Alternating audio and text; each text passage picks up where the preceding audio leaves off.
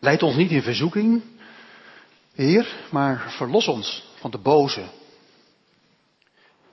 Gemeente van Christus, dat lijkt best wel een opmerkelijke regel die Jezus ons leert bidden, toch? Hoezo zou God, die onze Vader is, die we, van wie Jezus ons leerde dat we Hem onze Vader mogen noemen, zou Hij ons een hak zetten? Zou Hij ons laten struikelen? Leid ons niet in verzoeking. Hoezo? Heeft God dan twee gezichten? Is Hij aan de ene kant de koning die wil regeren en zorgen en vergeven? Heeft Hij ook een andere kant waarin Hij ons verzoekt, verleidt? Een strikspand waarin wij gevangen kunnen raken? Wat een rare regel, Jezus. Nou, om maar meteen helder te zijn, de broer van Jezus, Jacobus, schreef later een brief waarin hij het hele raadsel, of het hele, ja, de hele gedachte meteen uit je hoofd zet. Hij schrijft, wie in verleiding komt, moet niet beweren, die verleiding komt van God. Want God stelt niemand aan verleiding bloot. Zoals hij zelf ook niet door iets slechts in verleiding kan worden gebracht. Iedereen komt in verleiding door zijn eigen begeerte die hem lokt en meesleept. En is de begeerte bevrucht, dan baart ze zonde. En is de zonde volgroeid, dan brengt ze de dood voort. Maar wat bidden we dan? Wat bidden we dan als we misschien wel elke dag zeggen, leid ons niet in verzoeking, Heer. Nou laten we de lijn van het Onze Vader nog even volgen. Het is ook niet niks wat we gebeden hebben, als je tenminste bewust en met je hart bidt en het echt meent, en niet als een riedeltje, dan, ja, dan heb je God papa genoemd. En daarmee heb je jezelf uit de houding van een slaaf gezet in de schoenen van een kind van God.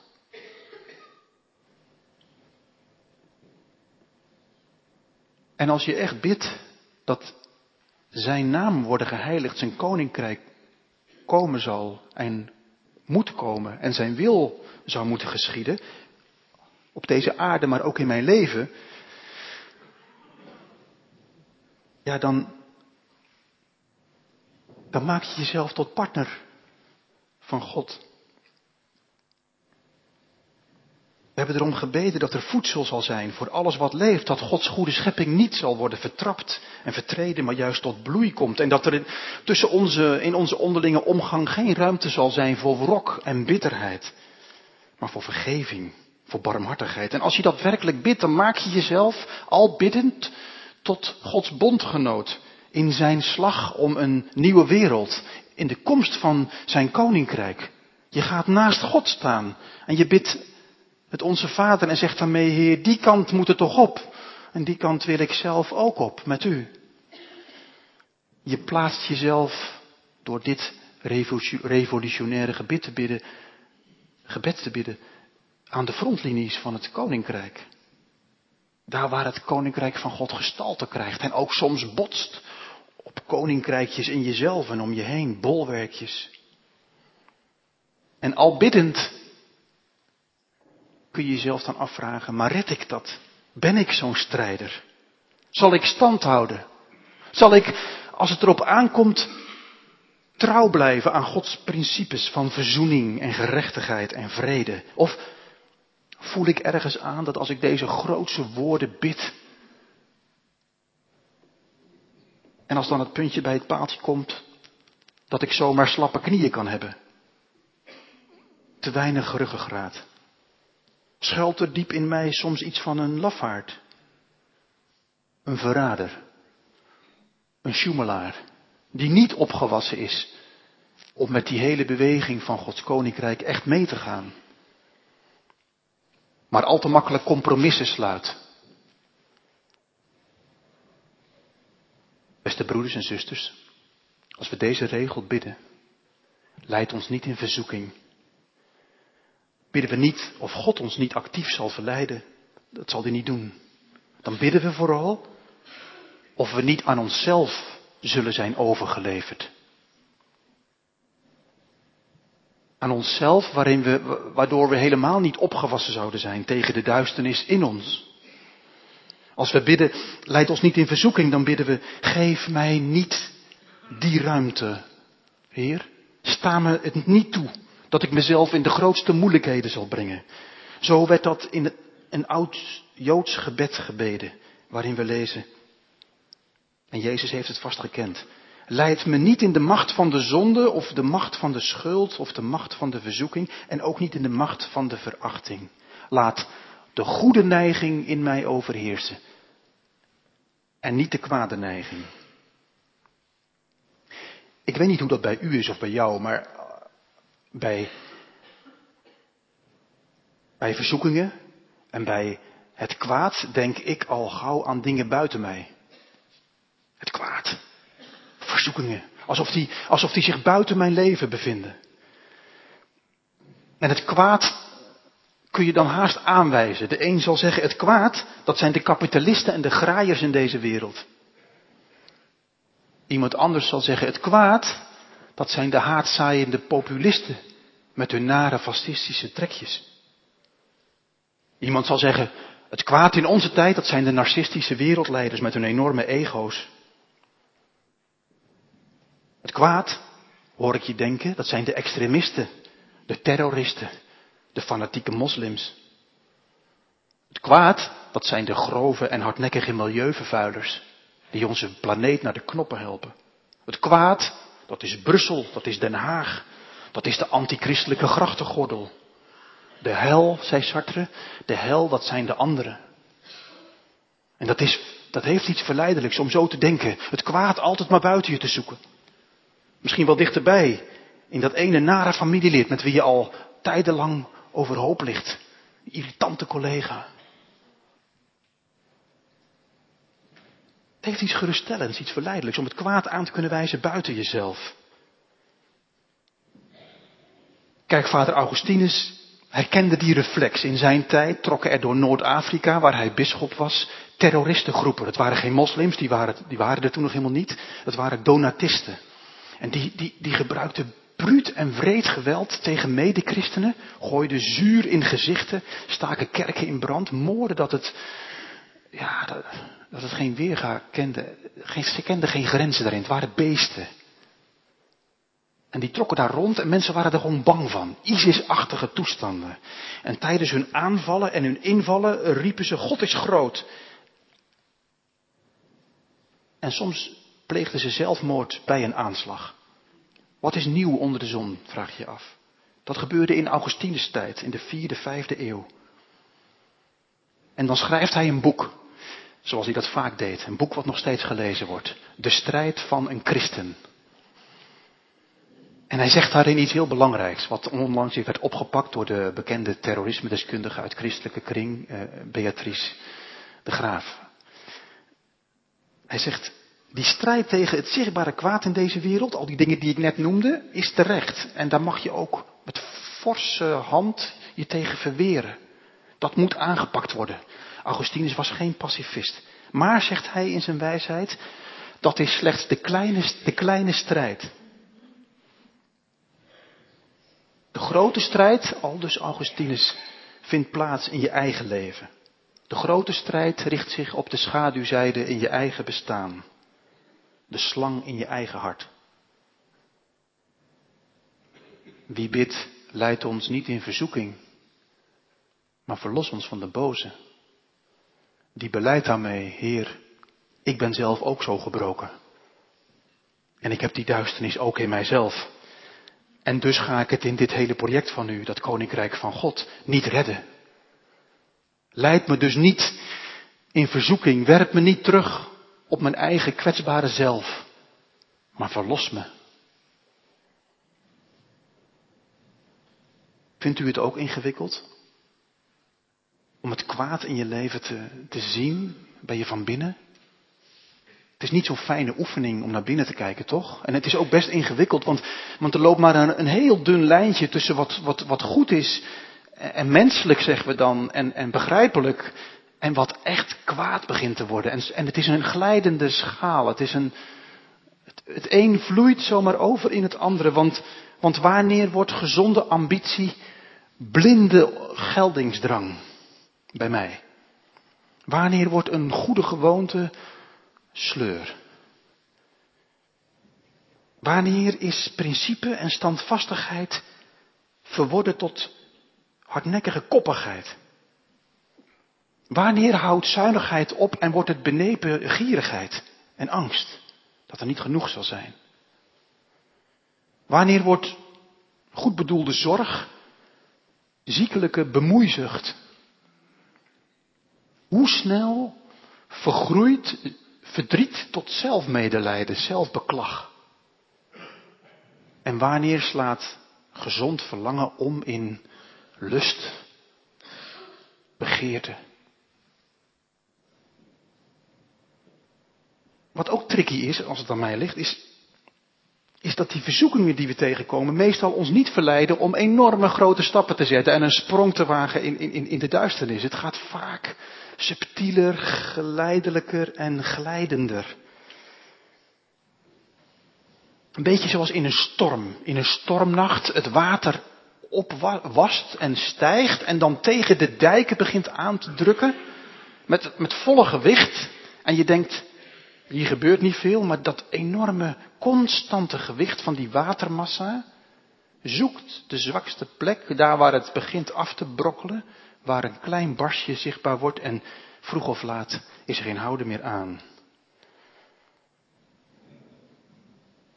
Hebben wij oog voor die subtiele processen, waarin verzoekingen in ons leven binnendruppelen, door een haast voor anderen niet waarneembaar proces van uitholling, erosie, vervlakking. Er gaan geen alarmen af. En God laat geen bliksem uit de hemel neerkomen. Hij geeft ons die ruimte. Maar wat kunnen we onze ziel verliezen?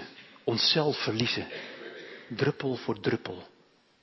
Beslissingje voor beslissingje. En wat vraagt het? Wat vraagt het een tegendraadsheid om dat proces niet te voeden. Leid ons niet in verzoeking, bidden we. Daar zit het woord lijden in. In het Midden-Oosten was er uh, in de vorige decennia een, een heel bekende Bijbelgeleerde. Het was een Amerikaan, Kenneth Bailey. En hij woonde 40, 50 jaar in de Arabische landen en sprak al die talen. Was een briljante man, een vrome man. En hij kon heel goed de Bijbel uitleggen in in de context van de oude cultuur van het oosten, zoals die vaak op het platteland nog steeds bestaat. En, en bij deze tekst leidt ons niet in verzoeking, vertelt hij dat hij met vrienden, toen hij jonger was, met Egyptische vrienden, op riskante, avontuurlijke expedities ging de Sahara in. Diep de woestijn in, daar waar geen sterveling komt. En als de expeditie zou slagen, zouden ze de meest fantastische oorden zien. Maar het was zeer riskant, want één of twee verkeerde beslissingen en je was hopeloos verdwaald en ten dode opgeschreven. Dus moest je de beste gids vinden die je kende. En Kenneth Bailey zegt dan, wij gingen alleen op pad als we Uncle Zaki konden boeken. Oom Zaki. Hij was een nederig, deskundig, betrouwbaar man met een enorme persoonlijke waardigheid. Iemand aan wie je heel je lot toevertrouwt. En, en als ze dan vroeg in de morgen vertrokken met Uncle Zaki voorop, dan zeiden ze tegen hem, Don't get us lost, Zaki. Laat ons niet verdwalen. Laat ons niet verdwalen, want, want wij hebben geen enkel idee van de route of de richting. Dus als jij verdwaalt, zijn wij nergens. Ons leven, Zaki, is in jouw handen. Kijk, dat zeg je eigenlijk tegen Jezus, tegen God als je bidt. Leid ons niet in verzoeking. Jezus wordt in het Nieuwe Testament onze leidsman, onze overste leidsman genoemd in Hebreeën 12. Hij is die gids. En onze weerbaarheid tegen verzoekingen van binnenuit, die schaduwkanten in ons leven. Onze weerbaarheid hangt in hoge mate af van onze verbondenheid met die ene gids en leidsman. Ik kom veel jonge mensen tegen die zeggen, ik heb ergens van een lijntje. heb ergens wel iets met hem. Maar dat is te fragiel, dat is te kwetsbaar. Dat, dat, dat, dat stuurt je leven niet. Ik zou ook jonge mensen vanmorgen willen aanmoedigen. Laat dat lijntje niet te dun blijven, want het is zomaar vorm en het stelt feitelijk weinig voor. En onderschat dan niet de onderstromen in onze samenlevingen die op, door alle poriën van je leven binnenkomen. Bij mij ook en bij jou en bij u. Iets hebben is niet genoeg. Denk aan die expeditiemannen die echt Zaki op de voet volgden en wisten, waar hij gaat zal ik gaan en geen meter ergens anders, want ik ben nergens.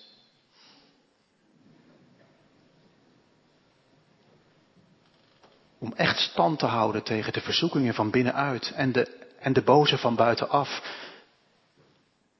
is het echt nodig dat hij aan het stuur zit.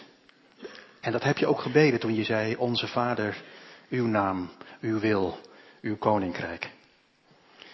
Ja, ik zei, het is van binnenuit, het zit dichterbij dan je denkt, het is subtiel, het is glijdend, maar nu wil ik ook dat tweede zeggen. Het zit ook, het komt ook van buitenaf op je aan, op je, op je af en binnen. Wie denkt dat, dat hij leeft, dat, dat deze wereld een soort picknick is, waar je op neutraal gebied een beetje in alle vrijheid kan kiezen, die onderschat wat de Bijbel zegt. Die zegt, wij leven in een soort krachtenveld van goede en kwade machten. En wie dus bidt, verlos ons van de boze, die spreekt daarmee uit dat er ergens een tegenstander rondgaat als een briesende leeuw. Er zijn duistere machten en krachten, die soms ook via wonden en via zonde ons leven binnen kunnen komen. En actief, niet vaak spectaculair, maar subtiel binnendringen en ook door ons hoofd kunnen spoken om daar ons in processen of momenten uit onze posities te verdrijven. De positie van een kind van God. Dat, dat is wat Jezus zegt als hij Petrus aankijkt en bij zijn schouders pakt en zegt, Simon, Simon, de, de Satan heeft dringend verlangd jullie allemaal te ziften als de tarwe, maar ik heb voor jou gebeden dat je geloof niet zou ophouden. Dat zegt hij tegen Simon Petrus, die held in het geloof. Je ligt op de zeef. Ziften is waardevolle graankorrels scheiden van schilletjes, buitenkant en allerlei rommel. En, en, en de Satan vindt het niks leukers als in jouw leven en dat van, van mij het goede eruit te werken en dan het, de, misère, de over te houden. Dat in je gezicht te duwen en te zeggen, daar sta je dan, loser. Het is niet voor jou. Je maakt er niks van. En Johannes de Doper zegt, Christus is ook gekomen om te ziften, maar dan met een omgekeerde intentie, om de, om, om de, de om, om de rommel en dat wat geen waarde heeft uit je leven weg te werken, zodat wat waar is en mooi en schoon en wijs en zuiver en goed, om dat naar boven te brengen. En dat in je karakter uit te werken. Tot je een gelouterd en gereinigd mens bent. Dat wens ik jullie toe, doopouders en mezelf. Dat we in, de, in dat ziftingsproces echt, echt met elkaar de moed hebben om ook in onze gezinnen, in onze huwelijken en ook met onze kinderen als we opgroeien te benoemen wat waar is en duurzaam en blijvend en wat, wat het niet waard is om voor te leven of met te leven, wat schadelijk is. En nu wou ik dit ook nog zeggen.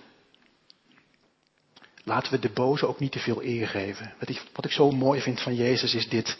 Hij neemt ons mee in zijn gebedsleven, in zijn binnenkamer en zegt, hoor hoe ik bid.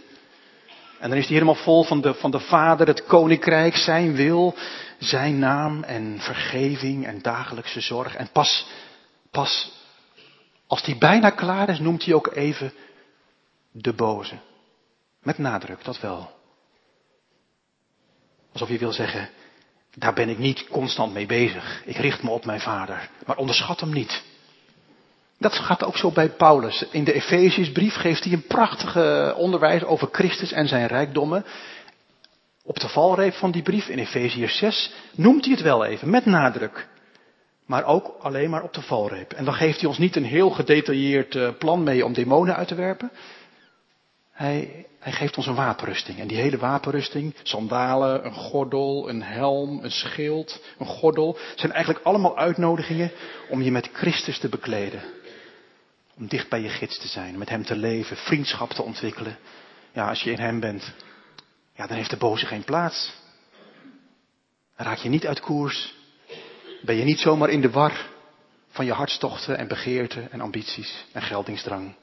Durf je dat in de ogen te zien, maar weet je, met Christus kan ik het in al die donkere kanten van mezelf ook wel uithouden. Ik weet het, ik kijk ernaar en hij leidt me er op een gezonde manier om ermee om te gaan. Er is een autoriteit op het gebied van geestelijke bevrijding. Hij heet Neil Anderson en hij heeft heel veel demonen uitgedreven, zoals Jezus het deed en zoals wij het soms ook mogen doen. En wat hij zegt is dit. Hij zegt over verlos ons van de boze. Als je vliegen hebt in je keuken. Ik had het vanmorgen eerlijk gezegd. Er was een, een, een GFT-bakje. Er zat ook wat, een oude bos bloemen zat erin. En ik zag allemaal van die vliegjes. En ik dacht, even naar buiten lopen. Dus ik mikte het in de GFT-container en de vliegjes waren bijna allemaal verdwenen. Niel, Niel, ik moest denken aan dit citaat en hij zei, als je vliegen hebt, ga dan niet als een, als een malle vliegen meppen, maar zet je vuilnis buiten. En die paar vliegen die dan nog overblijven, die map je. Wees niet obsessief bezig met, met het boze. Ontmasker liever de leugens die zich in je hoofd hebben vastgezet. Besteed aandacht aan de wonden die zijn geslagen en kijken naar met Christus samen. Dan, dan, verliest, dan verliest de boze zijn grip op je. Dan recht je je rug. Dan voed je je met de waarheid van God. En ja, als het nodig is, werpen we dan die laatste demonen zonder al te veel poeha uit je leven. Dat is wat, dat is wat Jacobus ook zegt in zijn brief. Onderwerp je aan God, verzet je tegen de duivel, dan zal hij van je wegvluchten. En dat is zo mooi dat we vanmorgen ook mogen dopen. Want de doop is eigenlijk precies dit. Het eh, het beste zou zijn geweest dat we de kindjes echt helemaal onder zouden dompelen. En dan, en dan tegen elkaar zouden zeggen, kijk, dompel je onder in Christus. Dompel je onder. Laat alles wat waardeloos is en onrein en ongezond en schadelijk voor jezelf, de ander en de planeet. Laat het ondergaan. Verdrink het. Blijf even onder water. Laat het daar doodgaan. En kom dan op uit het water. En bedenk dan dat je met Hem mag opstaan in de kracht van zijn geest tot een heel nieuw leven. Ik hoop dat die geest door jullie gezinnen mag gaan. Dat je kind die beweging van de doop mag voorleven. Ondergaan met je ego, met al je donkere kanten. En steeds elkaar wijzen op een nieuw leven in Christus. Dat je dat elkaar mag voorleven als ouders ook. In je keuzes, in je ritmes. Van dagelijkse contactmomenten met God van ritmes in, in de gemeente je plek vinden, je voeden met woorden van waarheid, je uitstrekken naar vervulling met de geest, elke dag opnieuw. Dan krijgen je kinderen een heel stevige basis, waar er voor de boze geen structurele plaats zal zijn. En is je huis een huis van vrede. Dat wens ik jullie, dat wens ik elkaar, dat wens ik mezelf toe. Dat is wat Jezus zegt. Ik ben het licht van de wereld. Wie mij volgt, loopt niet in de duisternis, maar heeft licht dat leven geeft. Amen.